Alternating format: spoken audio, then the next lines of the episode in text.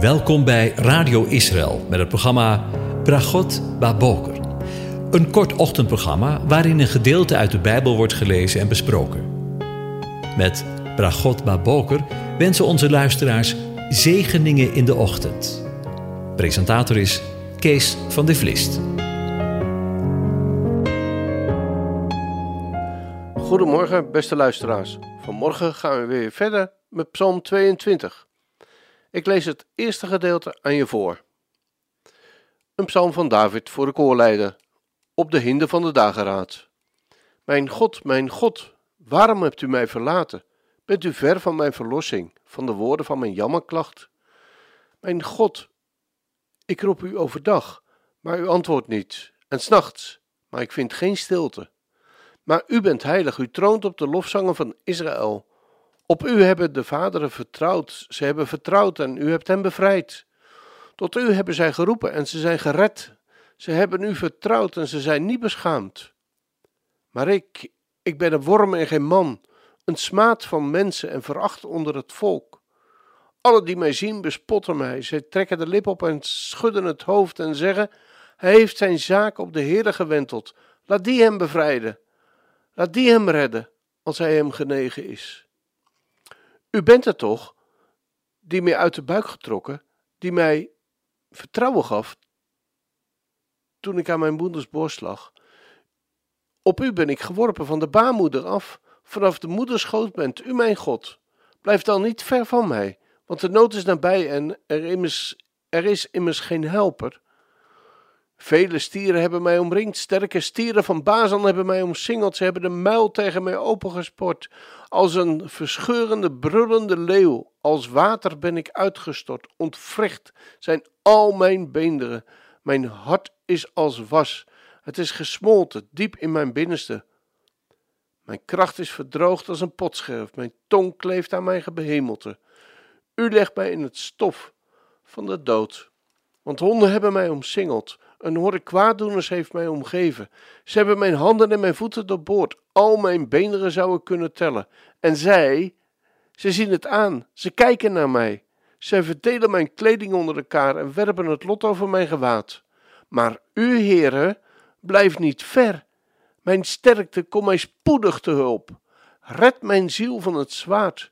Mijn eenzame ziel van het geweld van de hond. Verlos mij uit de muil van de leeuw en van de horens van de wilde ossen. Ja, u hebt mij verhoord. Ik zal uw naam mijn broeders vertellen. In het midden van de gemeente zal ik u loven. U, die de Heere vreest, loof hem. Alle nakomelingen van Jacob, vereer hem. Wees bevreesd voor hem, alle nakomelingen van Israël, want hij heeft de ellende heeft de ellendige in zijn ellende niet veracht en niet verafschuwd. Hij heeft zijn aangezicht niet voor hem verborgen, maar hij heeft gehoord toen hij tot hem riep. Tot zover. Over het loven van Yahweh gesproken. Wij, als christenen van deze eeuw, denken vaak dat er in de uitleg van een schriftwoord slechts één uitleg de waarheid is met een hoofdletter. Bij voorkeur natuurlijk de uitleg die wij, of die ik, aan het woord geef. Het Hebreeuws denken leert ons echter anders, er anders naar te kijken. Zo hebben we in de afgelopen afleveringen gezien dat Psalm 22 niet alleen over David gaat, maar ook de geschiedenis van de koning Esther betreft. Maar ook weer de geschiedenis van Israël in de ballingschap beschrijft. En een andere waarheid is weer dat Psalm 22 gaat over de werkelijke balling. Jezus Christus, de Messias, die voor jou en voor mij aan het kruis werd genageld. Wat hebben we toch eigenlijk een rijk woord van God, hè? Het is als een diamant. Wanneer je die van meerdere kanten bekijkt en welke keer op keer een andere kleur laat zien. In deze aflevering wil ik een begin maken met het tweede gedeelte van de psalm. Het gedeelte dat spreekt over de verlossing die de dichter van de psalm ervaart. Want er blijft niet kommer en kwel in het leven van de dichter, want we horen hem al zeggen, want hij heeft de ellendige in zijn ellende niet veracht en niet verafschuwd. Hij heeft zijn aangezicht niet voor hem verborgen, maar hij heeft gehoord toen hij tot hem riep. Inderdaad, David kreeg vrede, de ballingen kwamen thuis, het gebed van Esther werd verhoord en Christus, de Messias, werd verhoogd en stond op uit de dood. Halleluja, zou ik zeggen. De dood is overwonnen, ook voor jou. De omslag van klacht naar loven van de Heere is in de psalm enorm. Hij begint hier als de voortrekker van zijn familie, de gemeenschap, de Heere in alle toonaarden te loven en te prijzen. Het is de reactie op de benauwdheid die, uitgestort die hij uitgestort heeft in zijn gebed. De dichter ervaart Yahweh zo sterk dat hij die ervaring niet alleen voor zichzelf kan houden. Wij zouden zeggen: waar het hart vol van is, daar loopt de mond van over. Hij maakt anderen deelgenoot van de verlossing die hij ervaren heeft. Hij vertelt het zijn familie. Maar dat niet alleen, de hele gemeenschap van Israël moet eraan geloven. Ik zal uw naam, mijn broederen, vertellen. In het midden van de gemeente zal ik u loven. En hij roept ze niet alleen maar om toeschouwer of hoorder van deze boodschap te zijn, maar zelf ook mee te doen. U, die de Heere vreest, loof hem. Alle nakomelingen van Jacob, vereer hem. Wees bevreesd voor hem, alle nakomelingen van Israël. Hij trekt zijn geloofsgenoten er als het ware met de oren bij, zij die de Heere vrezen, of met andere woorden eerbiedig vereren, maar ook de nakomelingen van Jacob en van Israël. Dat is eigenlijk wat.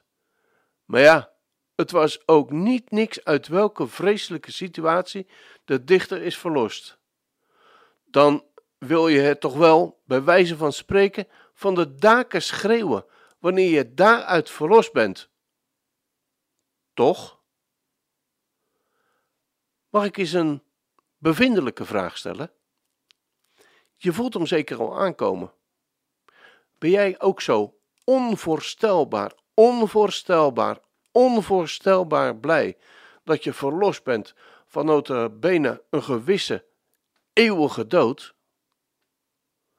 Roep jij het ook je familie in alle toonaarden en roep je het hen ook om de Heere te loven uit volle borst en te prijzen voor de verlossing die Hij heeft aangebracht?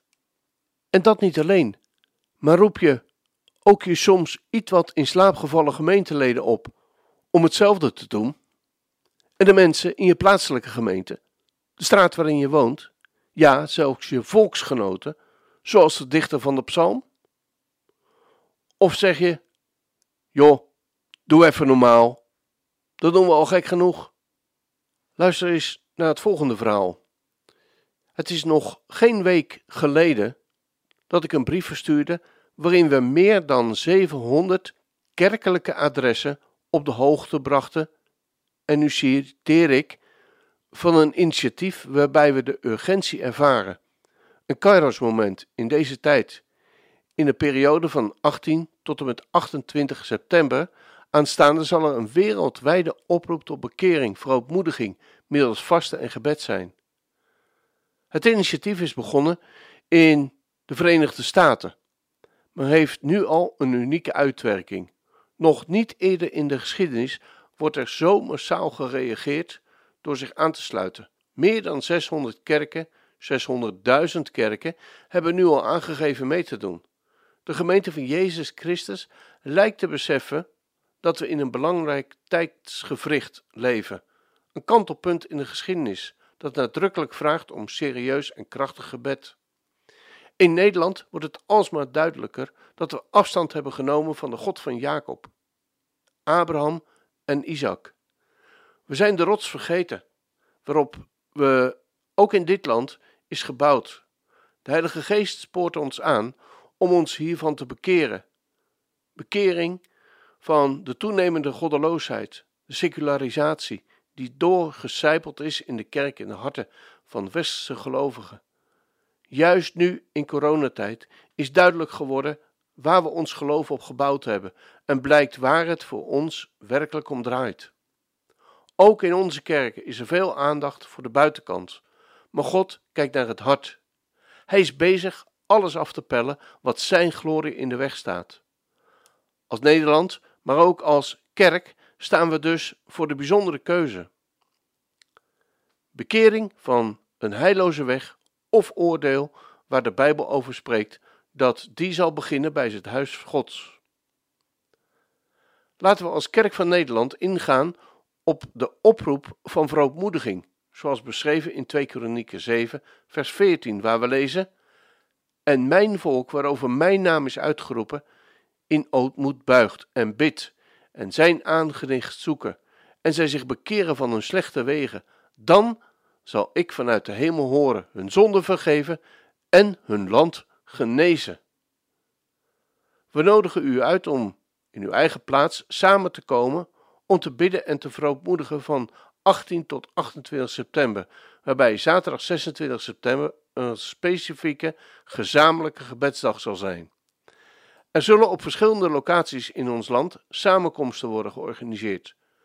Een update zal worden vermeld op de website en er zal ook een livestreaming vanuit verschillende plaatsen zijn. Doet u mee? Als u hier ook bij betrokken wilt worden, registreert u zich via de website www.deterugkeer.nl of neem contact met ons op. Tot zover de brief die we verstuurd hebben. En nu het resultaat. De statistiek van de verzonden brief zegt me vandaag het volgende: 719 e-mails werden verzonden naar kerkelijke adressen. 590 werden er afgeleverd. 129 werden er zogenaamd gebounced. 223 geadresseerden openden de mail tot oproep en gebed. 9 geadresseerden klikten op de link naar de betreffende website. 22 geadresseerden namen de moeite om zich af te melden voor deze nieuwsbrief. En slechts één geadresseerde reageerde op de oproep door mee te delen dat de agenda van de kerk al zo vol stond. Dat was het resultaat na een oproep tot gebed en bekering aan kerkelijk Nederland. Dat is de situatie van kerkelijk Nederland anno 2020 in coronatijd. En toch wil ik je oproepen, misschien wel tegen beter in, om mee te doen. Misschien wel te beginnen bij vandaag, om in alle vrijmoedigheid zijn naam je broeders te vertellen. In het midden van de gemeente de Heere te loven. Jij, die de Heere vreest, loof hem. Alle nakomelingen van Jacob, vereer hem. Wees bevreesd voor hem, alle nakomelingen van Israël, maar ook van de kerk. Want hij heeft de ellendige, hij heeft jou in je ellende niet veracht en niet verafschuwd. Hij heeft zijn aangezicht niet voor jou verborgen, maar heeft je gehoord toen hij tot je riep. Als dat geen zegen is.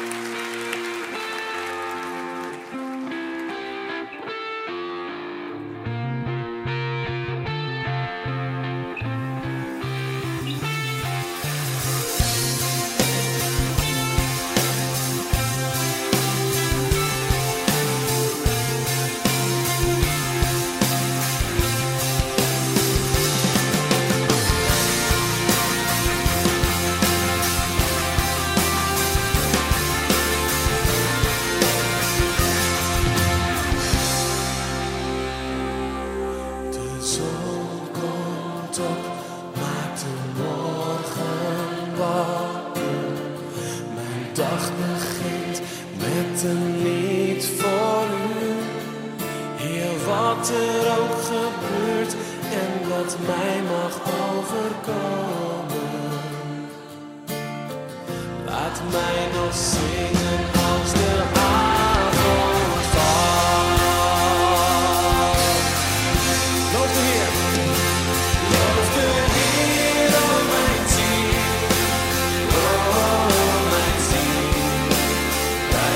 time.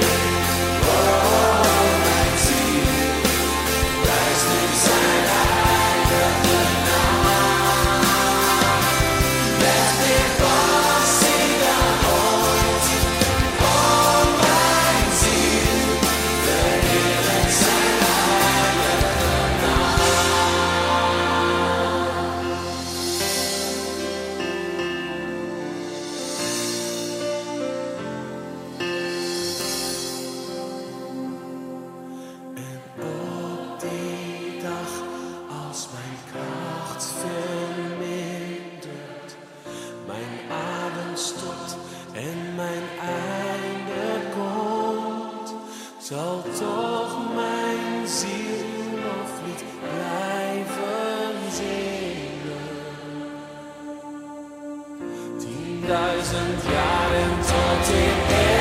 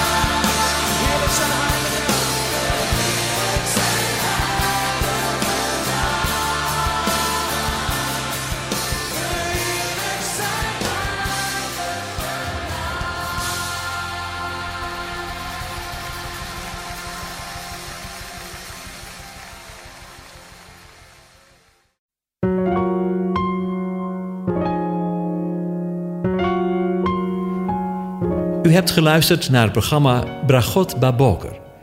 Een kort ochtendprogramma waarin een gedeelte uit de Bijbel wordt gelezen en besproken. Wilt u het programma nog eens naluisteren, dan kan dat. Ga naar radioisrael.nl en klik onder het kopje radio op Uitzending gemist.